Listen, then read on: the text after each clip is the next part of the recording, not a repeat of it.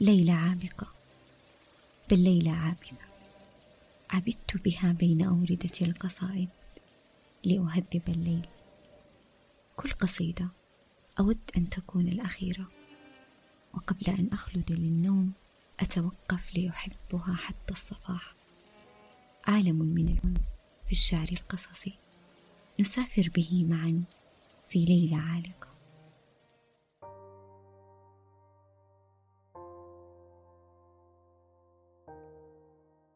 في الثالث والعشرين من نوفمبر الماضي في تمام الثانية والنصف ليلا من يوم السبت.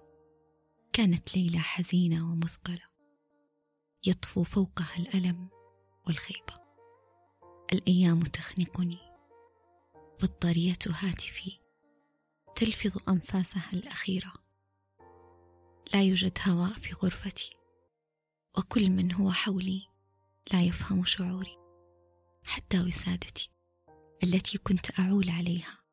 كانت تريد بلعي على غير العادة. بيني وبين النافذة مسافة لا أحسن تقديرها من هول الظلمة فكان من الصعب فتحها. كنت أعتقد حينها أنني سأموت قبل أن تشرق علي شمس الأحد أو أن أنتصر لعمري الذي مضى وأنا أغفر. وأتجاهل الخطايا. أحب لكن الحب وحده لا يكفي. كنت عالقة ومتورطة جدا. لا يوجد أمامي حل سوى أن أكشف الأوراق وأسلط الضوء على الكثير من المغفرة التي وهبتها من لا يستحق. أو أن أتقبل حقيقة القصيدة التي لطالما كذبتها ولطالما قرأتها. ولم أكمل خوفا من أن أصدقها أو أن تحدث معي بالفعل. كانت للشاعرة جمان القصاب. الشاعرة جمانة تألمت وأصابها ما أصابني أو أصابني ما أصابها لا أعرف. فعندما ارتدى فؤادها السواد وخارت قواها نطقت بعد تعب. ومعارضة أخذت منها ما أخذت. وقالت سأراك سأراك في وهمي حبيبا فرقتنا الأمنيات. والآن يا كل الهزائم في القصائد دلني. من أين لي وطن بديل؟ من أين لي؟ من أين لي حين استفاضت من عيوني صرختي؟ صدر يجفف عن شحوب الذكريات أنا من حنيني متعبة. أنا من حنيني متعبة. والجرح تفتقه الجهات. وخديعة الأمل الذي فيني تزيد. حيرة أفتش فيك عن زمن المجيء. لكنما ما كنت يوما في سوى وهمي حبيبا. ما كان يمكن أن تراني ما أراك. لكنني حصنت نفسي بالتجاهل كي أحبك دون ما أخشى افتراقا. إنما يا كل ألوان التعب. قل لي إذا أنا كنت عندك طارئا سهل العبور فعلام تبكي عندما أبكي؟ وما يبكيك إن مرت على قدر الظنون؟ وأراقب الدرب الذي قد منه رحت. لكي أصدق كيف باعتني ضلوعك؟ كيف ظلك يختفي؟ حتى أصدق أنني ما عدت شيئا فيك. يا زمن ابتهاج القلب يا فرح الدموع. أتدير ظهرك لي كأنك راحل فأدير ظهري كي أراك أمام وجهي. تسترد جهاتي الحيرة تسأل خافقي. لكنني أرجوك أن اترك يدي.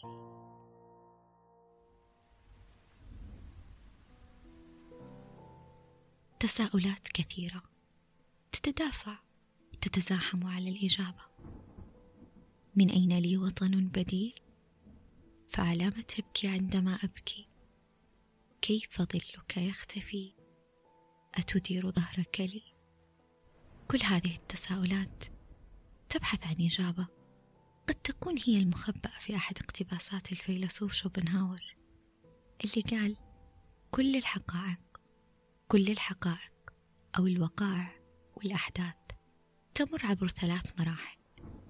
أولها هي السخرية وثانيها هي المعارضة بعنف والثالث هو القبول والإقرار بتلك الحقيقة. هكذا بدأت المرحلة الأولى. وهذا ما حدث معي بالضبط عندما زلقت قدماي بهذه المشاعر. سخرت من صديقتي التي قالت هذا لا يصلح. كذا أكون عارضت وطبقت المرحلة الثانية. عارضتها ورفضت حتى وجدت أنني على نفس الرحلة أنا والشاعرة جمانة. نسير ببطء على متن المرحلة والقصيدة. وننتقل من جرح وهزيمة إلى فجيعة وخذلان آخر.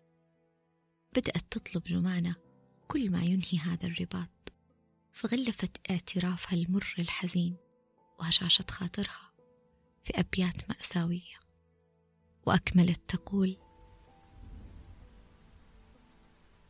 ما عاد في عيني دموع يا جثة الأمل التي قلبا تثبت نفسها فيني. على أمل الرجوع يخف كل هشاشتي. ارحم هشاشة خاطري أنا متعبة. اترك يدي. اختار لي قبرا قسيا خلف قلبك وانسني. اترك يدي. لا صبر عندي كي أرد حنيني المجنون عنك. كسرت رؤاي خذلتني. لا شيء قد يعنيك في كل الذي في داخلي يجري. توقف. كف عن ذهن ادعاءك لا تكذب. لست من ماتت عصافير بصدره.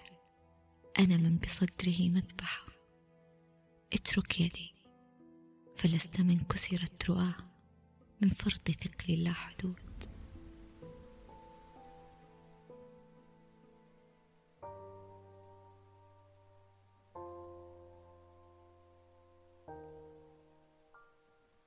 احتاجت بعض الوقت.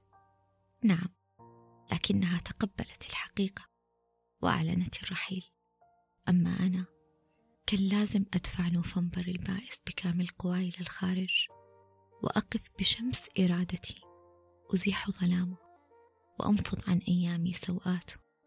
اخترت أن أكمل الطريق مع العزيز ديسمبر دون أن أنتظر دقيقة.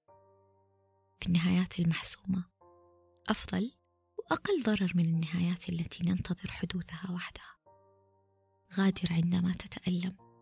فإذا كنت تنتظر الوقت المناسب فستنتظر إلى الأبد. كنت معكم أنا إلهام وإلى ليلة عالقة جديدة دمتم في رعاية الله.